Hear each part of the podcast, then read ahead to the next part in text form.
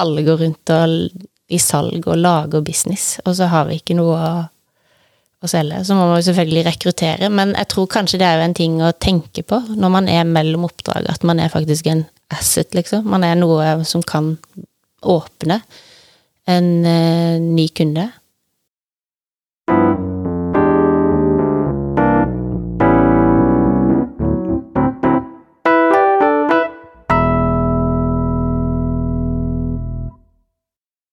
Velkommen til dagens episode av Egderøret. I dag skal vi snakke om eh, noe som er veldig naturlig i en eh, konsulentbransje.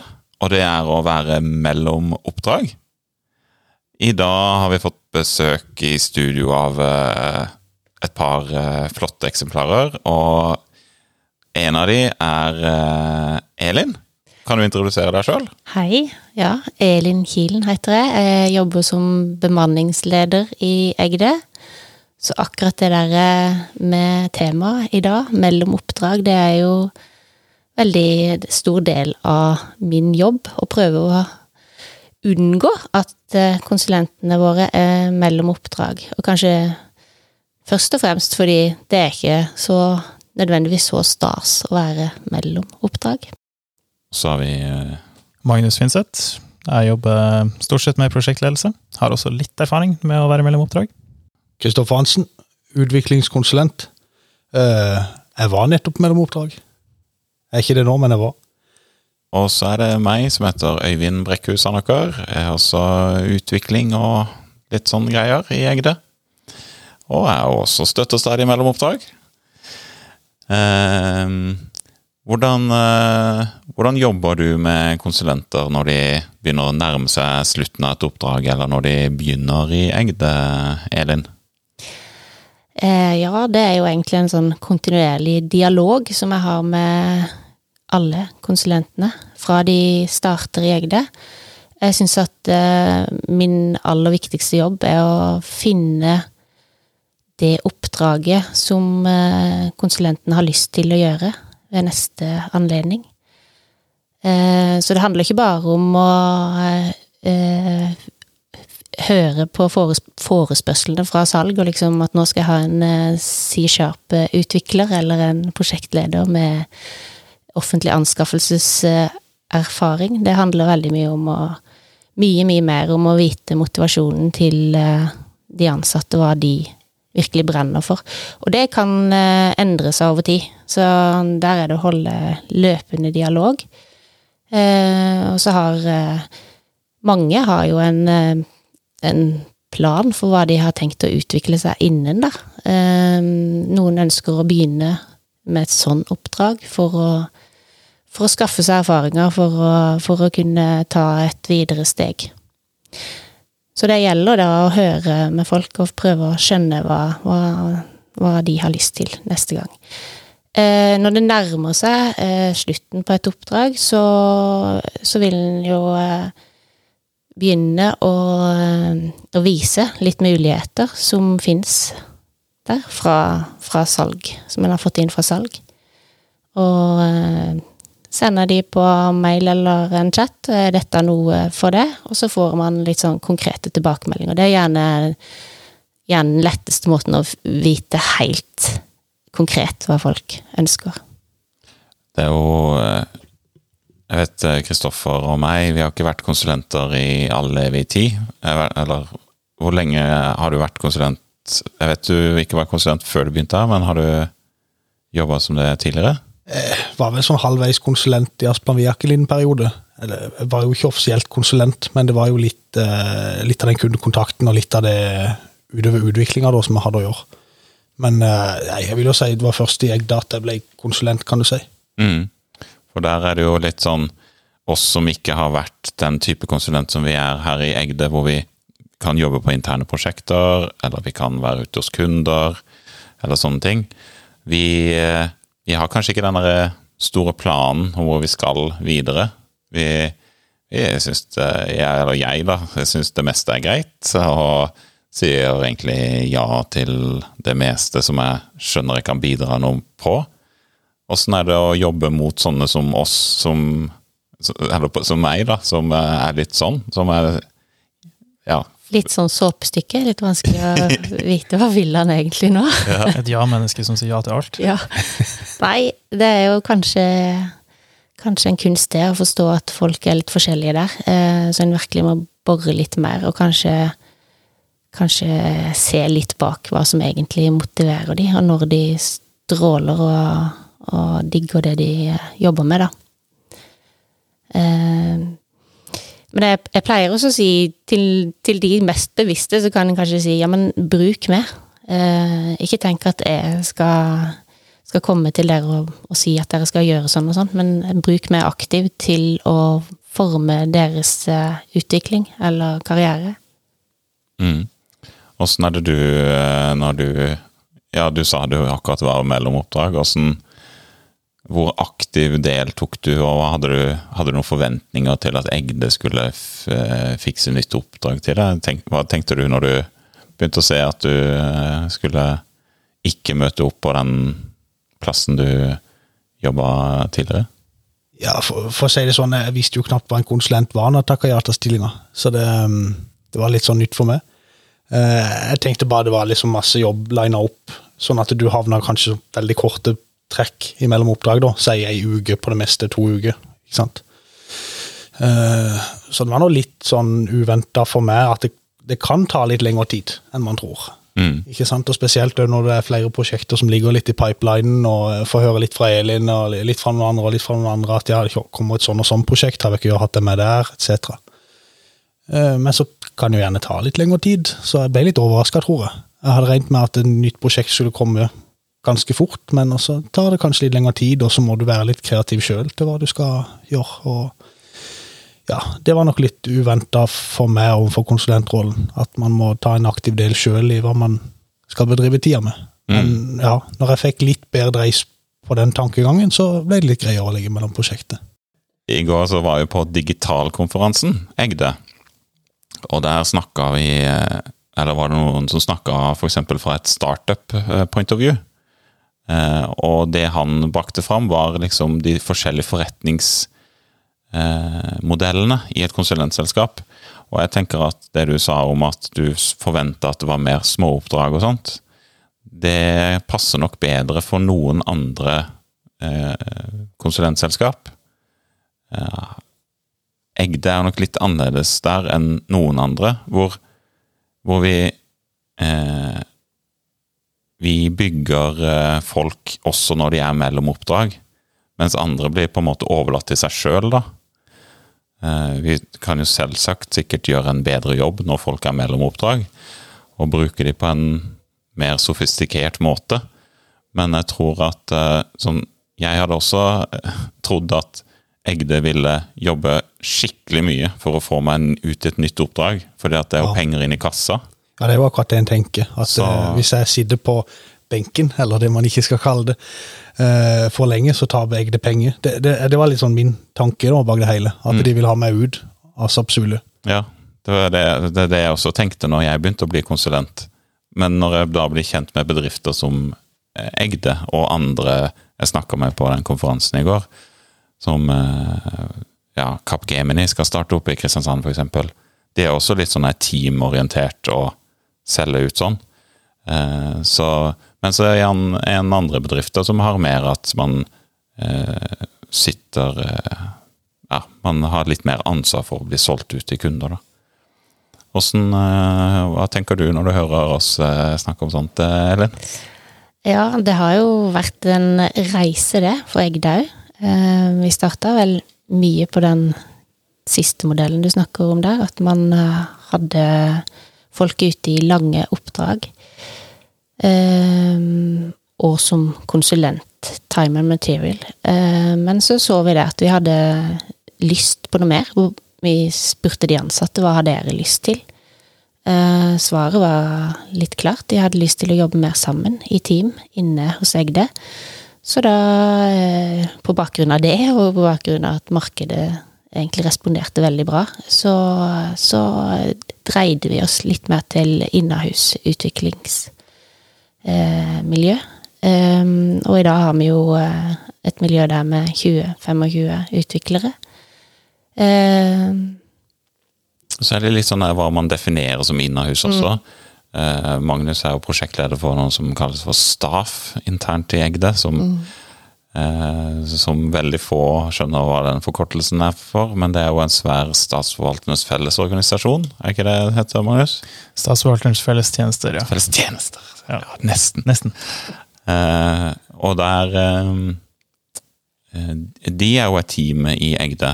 Eh, og så har vi noen Kristiansand kommune hvor vi har noe team rundt. Og så har vi e-helse hvor vi har noe team rundt. Eh, men så har vi jo også store kunder vi er, har team ute hos, i hvert fall delvis og sånn. Så hva, hva er det Egde folk sier de har lyst til å jobbe mest i? Er det å jobbe med andre Egder, eller er det å jobbe i sånne interne team? Eller er det litt splitting Det er jo eh, litt individuelt, det, da. Um, men det har vært en tendens i det siste til at folk eh, ønsker å jobbe eh, med andre egder, og det er jo bra.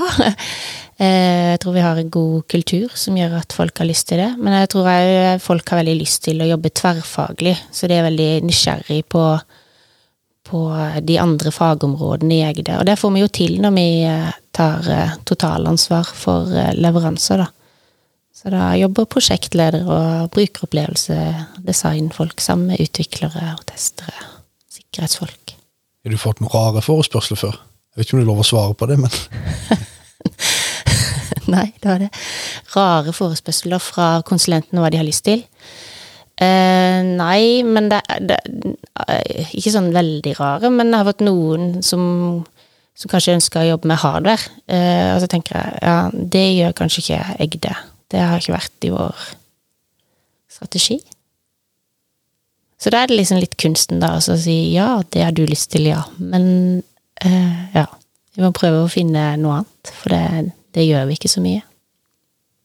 Man har jo mye frihet, opplever jeg også, til å, å stake ut sin egen kurs, hvor man vil hen, og, og, og hva man vil lære mer om, hva man vil utvikle seg innen. da. Og som du nevnte litt i stad, Elin, det, det med at um, man kan tenke sjøl hva man har lyst til, men man kjenner jo ikke hele bildet. Man vet jo ikke alt som foregår ute i markedet, hva som etterspørres, hva som ikke etterspørres osv. Så.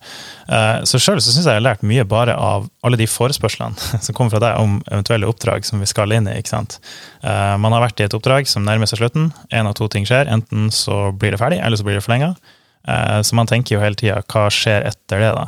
Eh, Og bare det å få høre alle de tinga som skjer, som er aktuelle, gitt den erfaringa man har, som man ikke har klart å tenke på sjøl, det gir veldig mange fine innspill til det der å, finne ut hva er det man har lyst til å gjøre videre. Hva er det, hva er det som passer for en sjøl og, og selskapet. Eh, men, men det krever jo også litt av at man, man tar initiativ sjøl eh, for å, å nettopp finne ut det, da. ja. Det var litt av den greia jeg sleit litt med å eh, forstå, tror jeg.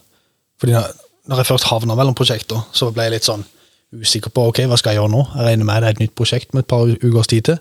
Så jeg spurte litt rundt, spurte fadder, spurte Elin, og ja. Uh, og jeg fikk bare beskjed om ja, bare ta deg et kurs. Bare, ikke sant, Ta en sertifisering, lær deg noe nytt nå.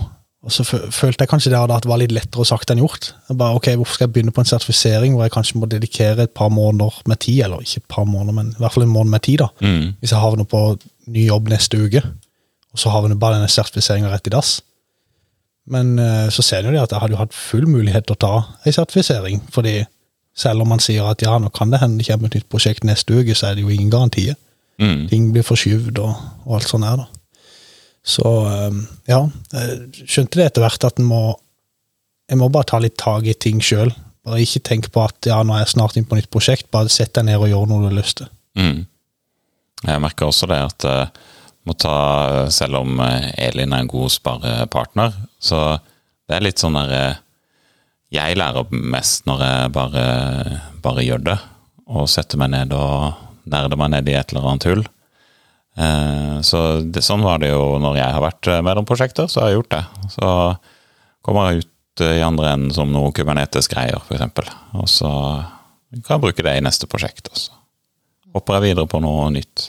Men det er den der eh, Jeg ser for meg at det kan eh, være veldig individuelt hvordan man løser de oppgavene. Og så tror jeg kanskje man lærer mest av det når man har opplevd det. og da vet man mer hva som møter en neste gang. Fordi det er litt sånn der eh, Oss to, da, som kanskje ikke har vært den type konsulent før, og spesielt utvikler, og så hører du liksom at det manko på utviklere i Norge. Syk Etterspørselen er helt enorm, og så sitter du der og så ja, skal jeg ta en sertifisering, sånn at jeg kan jobbe som utvikler? Men det er jo behov for oss, sånn strengt tatt. Så det, ja, jeg kjenner også på den derre Jeg kan ikke kalle det frustrasjonen, men det er liksom et sånt bilde jeg ikke helt får til å gå opp, da. Ja. ja. Det er nok litt uvant når du ikke har vært der før. Og jeg kom jo fra et miljø hvor det var litt sånn veldig faste regler og fast med arbeid lina opp hele tida. Du satt aldri ut noe å gjøre. Det var alltid noe å gjøre. Så det å komme fra et sånn et miljø hvor du nesten blir poka litt i ryggen, ikke på en vond måte, da, men hvor du nesten blir poka litt i ryggen hvis du sitter og ikke gjør noe, til å liksom komme over til et miljø hvor du har masse tid, hvor du egentlig må bare fordøye tida sjøl. Det var, var, nok litt annerledes. Mm. Ja, Litt sånn rar eh, tilnærming å få. Men eh, det er bare sånn koden må knekke i hodet, tror jeg. Ja, tror også det. Når jeg først begynte og først var mellom uh, prosjekter, det, det, var litt skummelt. For jeg følte jeg ville jo bidra til bedriften som hadde ansatt meg. og med, så litt, litt, sånn skummelt i begynnelsen, for jeg visste ikke helt hva jeg skulle gjøre av meg. Jeg følte jeg bare kasta vekk pengene til Gjøran, holdt jeg på å si. Men uh, så akkurat det der er jo egentlig viktig, da. Det der, det, for det der, du vil jo ha følelsen av å bidra. Ja. Og alle skjønner jo at hvis ikke bedriften tjener penger, så, så, så, så går det ikke. ikke Den må jo tjene penger. Man skjønner jo det på et visst nivå. Ja. Men så er det liksom, hva er, hva er det riktige nivået? da? Noen selskaper er veldig opptatt av sånne mål for utnyttelse. At man skal, man skal være så og så mye ute i fakturerbar tid. ikke sant? Det, det, har man jo ikke her. Man tenker jo helt, helt annerledes om det. Men samtidig er den der, den, den der følelsen der, den når man merker at man ikke man, man føler man ikke bidrar nok, da den, den er litt sånn ja, Den må man finne ut av. Men eh, det, som jeg sa i stad, det er sånn, nesten som en kode en knekker, fordi til slutt så kom det bare opp for meg at eh, nei, jeg, jeg får bare komme ned på kontoret hver dag, og så om ikke jeg har noe veldig konkret noe å gjøre, så kan jeg i hvert fall prate litt med folk, bli kjent med andre kolleger i Egde, bli kjent litt med de forskjellige prosessene etc.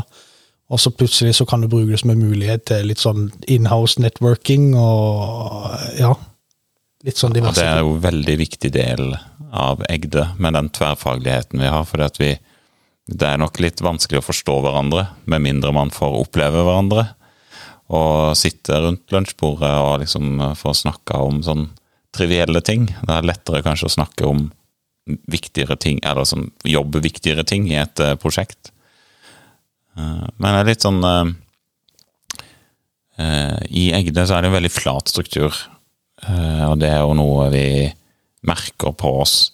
Men eh, vi har allikevel noe som kalles en sånn eh, ledergruppe.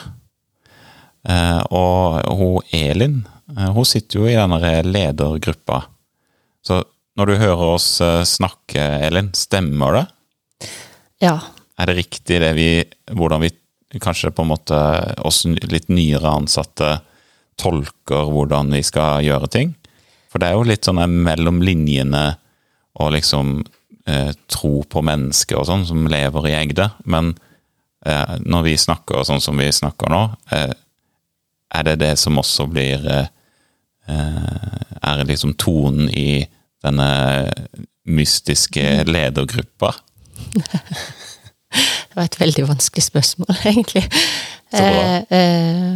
Men det er jo nesten litt sånn, det er jo alltid vondt å på en måte nesten høre at det er litt brysomt å være mellom oppdrag, for det er jo mer der jeg kommer fra. Um, ikke fra den derre eh, 'nå må vi ikke sløse med pengene', holdt jeg på å si. Det er jo mer det at jeg ser at det er ikke stas, og jeg har jo opplevd det sjøl. Jeg var i et veldig langt oppdrag. Eh, i dette eh, bygget her i Teknologiparken og var liksom en del av en kultur og sa hei til de samme menneskene hver dag, og så plutselig så var det over, og jeg hadde trodd at det skulle bli en forlengelse, så det var liksom bare fredagen før den mandagen at jeg innså at nei, nå var det over.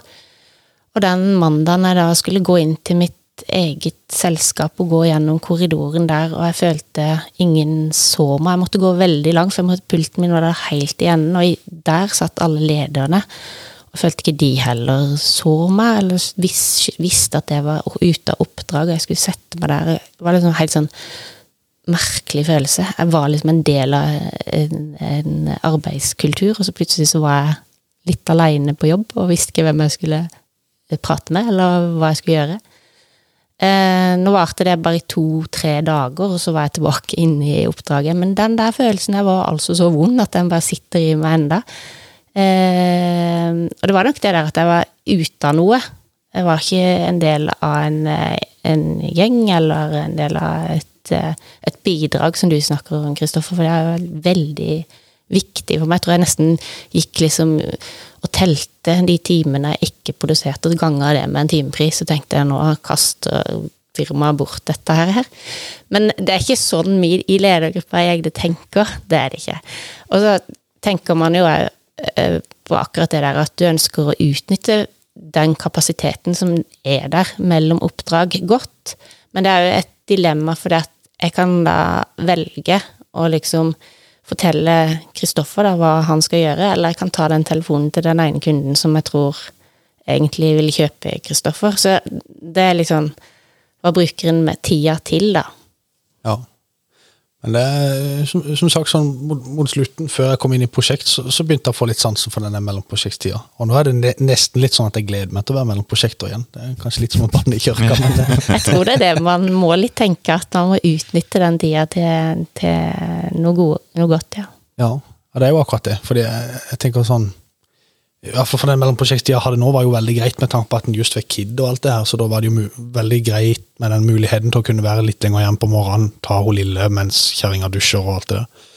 Så eh, det var veldig praktisk i den forstand. Og så har jo jeg gjerne å tjene på det igjen i etterkant. For da kan jo jeg komme noen måneder seinere og si ja, men du, eh, den her mellomprosjektstida mellomprosjekttida mi, da var jo jeg hjemme hele tida, så må ikke du klage, så.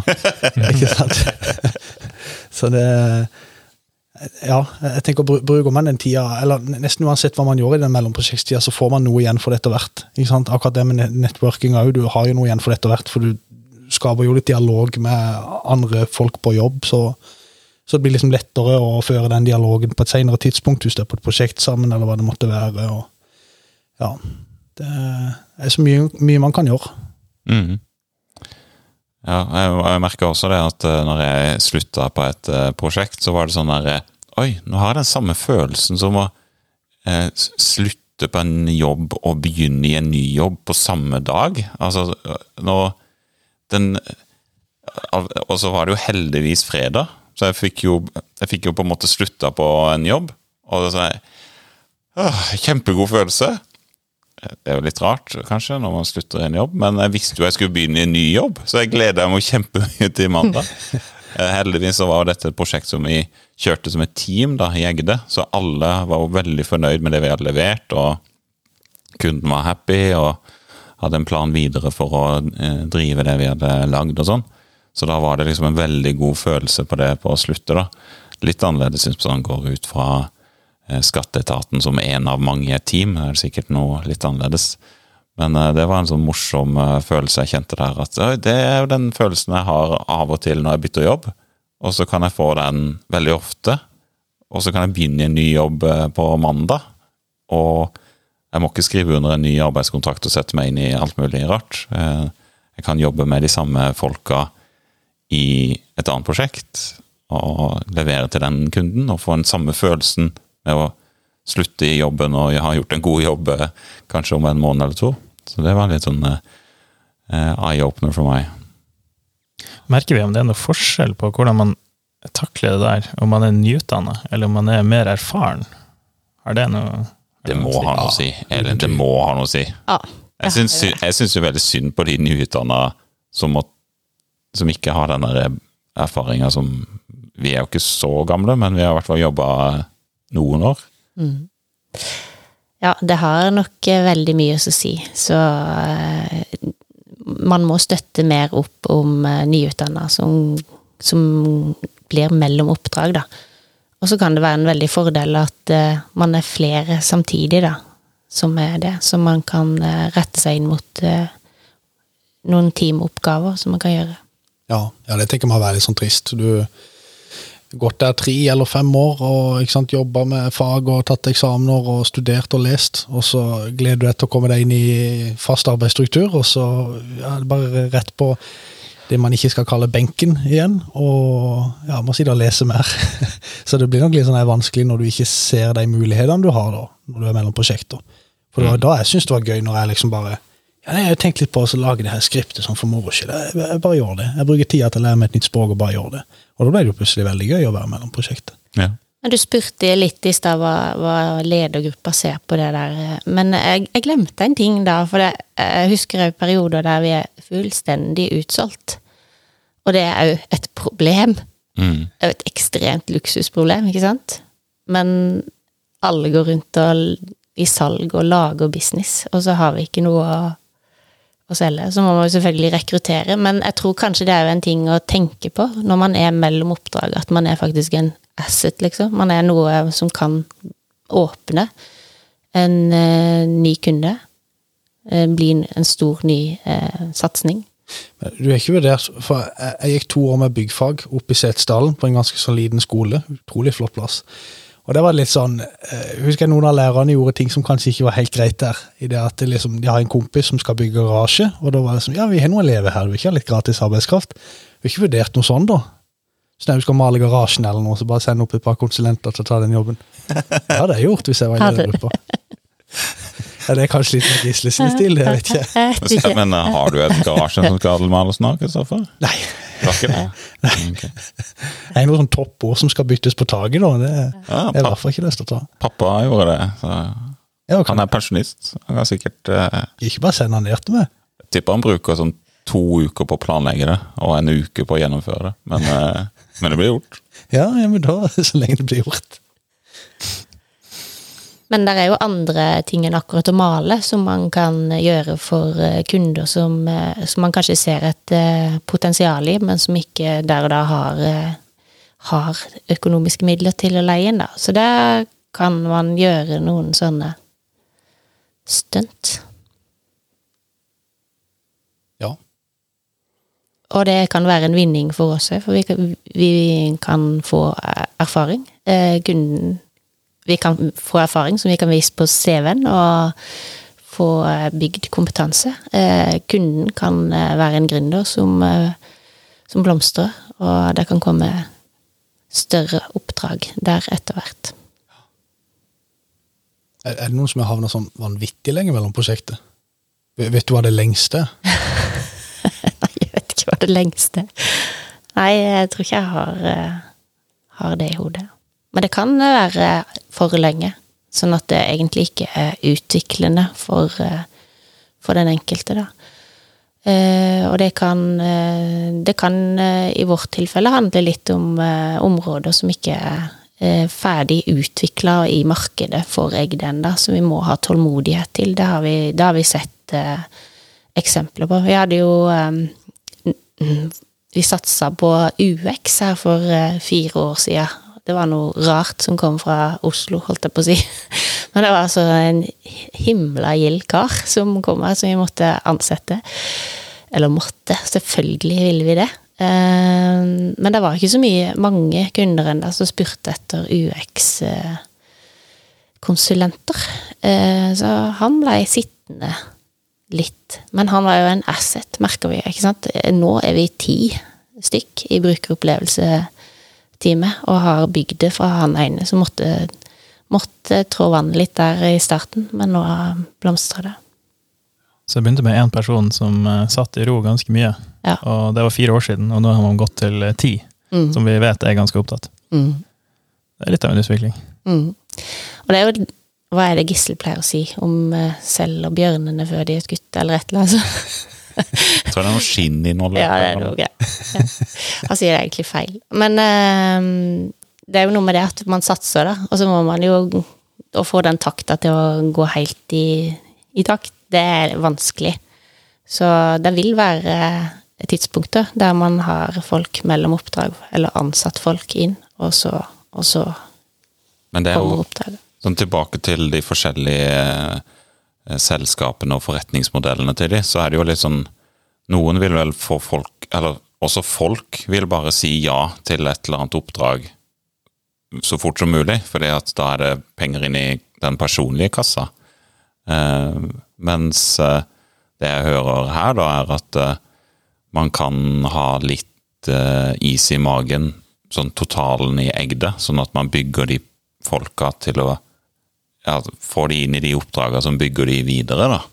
Eh, så det er liksom sånn derre eh, Vi må Kristoffer og meg må ikke tenke på at vi kaster pengene til Egde ut av vinduet. Det er litt sånn Ja, det er en asset, så det er liksom den tankegangen der, da. Men det, er- det er Jeg tenker vi kanskje forstår det nå etter vi har snakka, men eh, nyutdanna folk de kan nok slite noe enormt med å forstå det. Eh, og eh, tro at det er de sin feil, at ikke de eh, får noe penger inn i kassa. Så den er jo litt kjip for de, spesielt. Ikke for Egde, egentlig, men da har jo Egde et problem også, hvis man ikke klarer å kommunisere det at det er helt normalt og greit. Det er å forstå det kortsiktige og langsiktige bildet, egentlig, da. Eh, og ikke tenke liksom, har ikke, tjener ikke noe i morgen. Det er jo ikke et problem. Det er jo mange, mange oppdrag foran der. Ja, så tror jeg det er viktig å tenke at sånn, selv om man eh, om, om det skulle vært sånn at man hadde kasta bort penger når man sitter eh, For det her er ikke lov å si.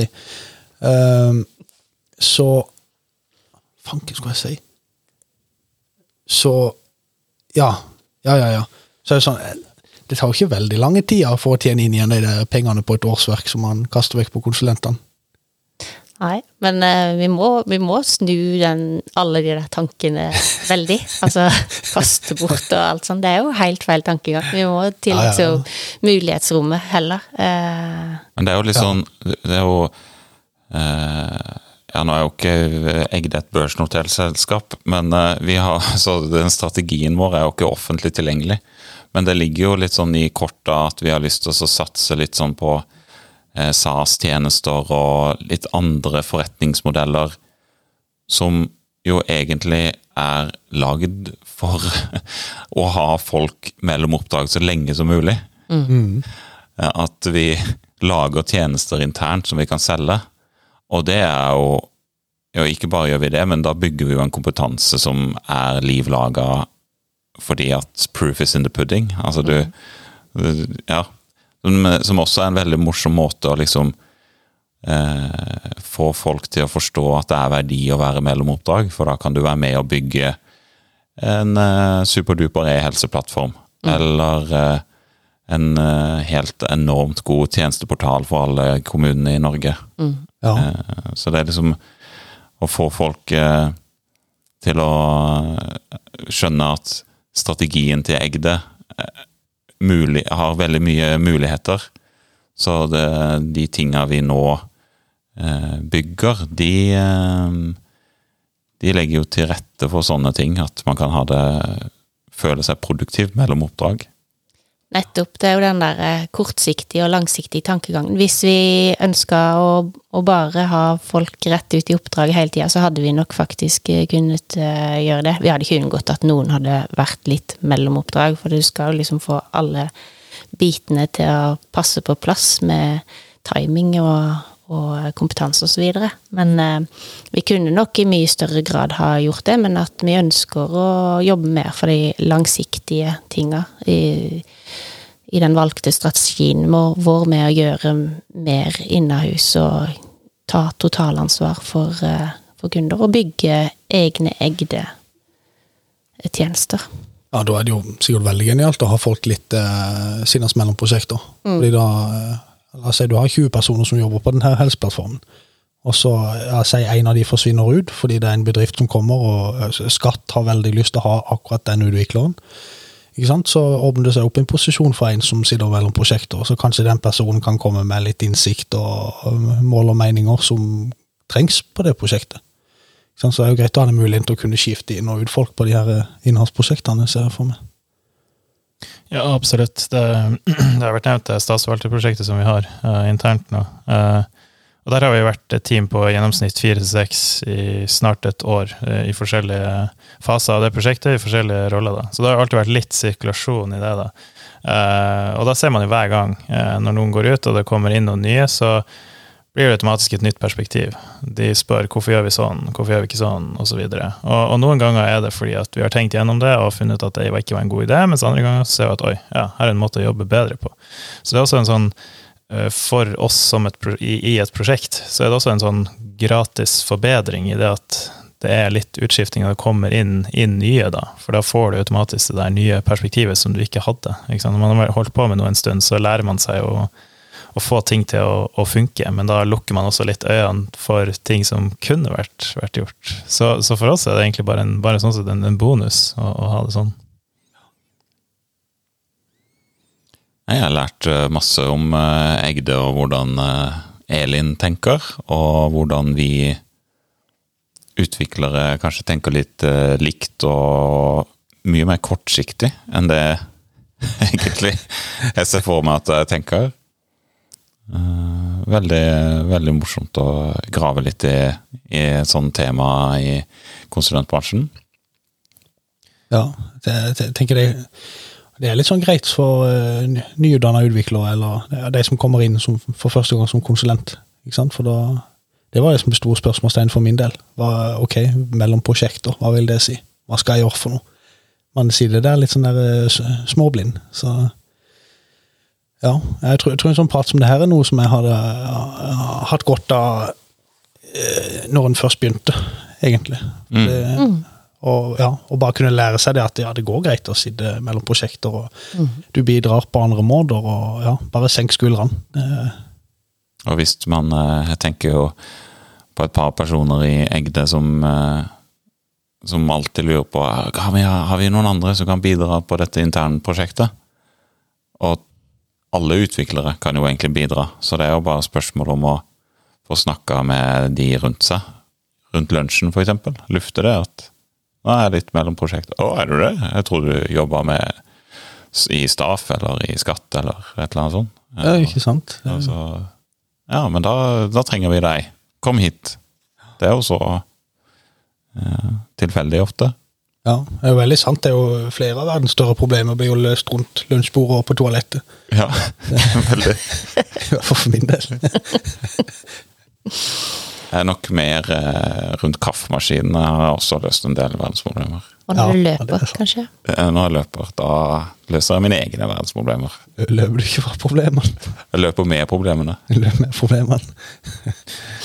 Ingen å være uenig med enn bare deg sjøl. det var en god idé. Ja, det var det. Ja, ja, det skal vi si til Nei, jeg tør ikke å si det. Har vi noen innvending mot det? Nei.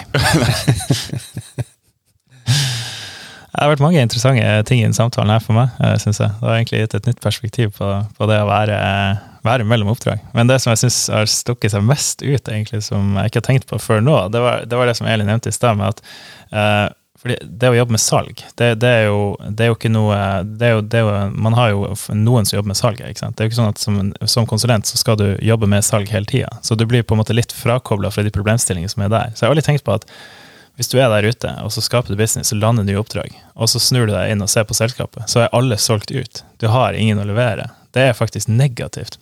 Så det at det er noen ledige, det er faktisk helt vesentlig for selskapet. Ja. Ja. Eller bra. Men Øyvind, da? Hva du har fått ut av samtalen her? Nei, det er det du eh, nevnte der. Eh, eh, vi, må, vi, må, løse denne floka med at vi kan ha folk ledige, men at de da kan lage kule SAS-produkter. Det, det, det, må vi få sånn skikkelig rigg på i Egde. Mm. Da, da er det god value. Ja, jeg føler jeg har lært en del av Elin her.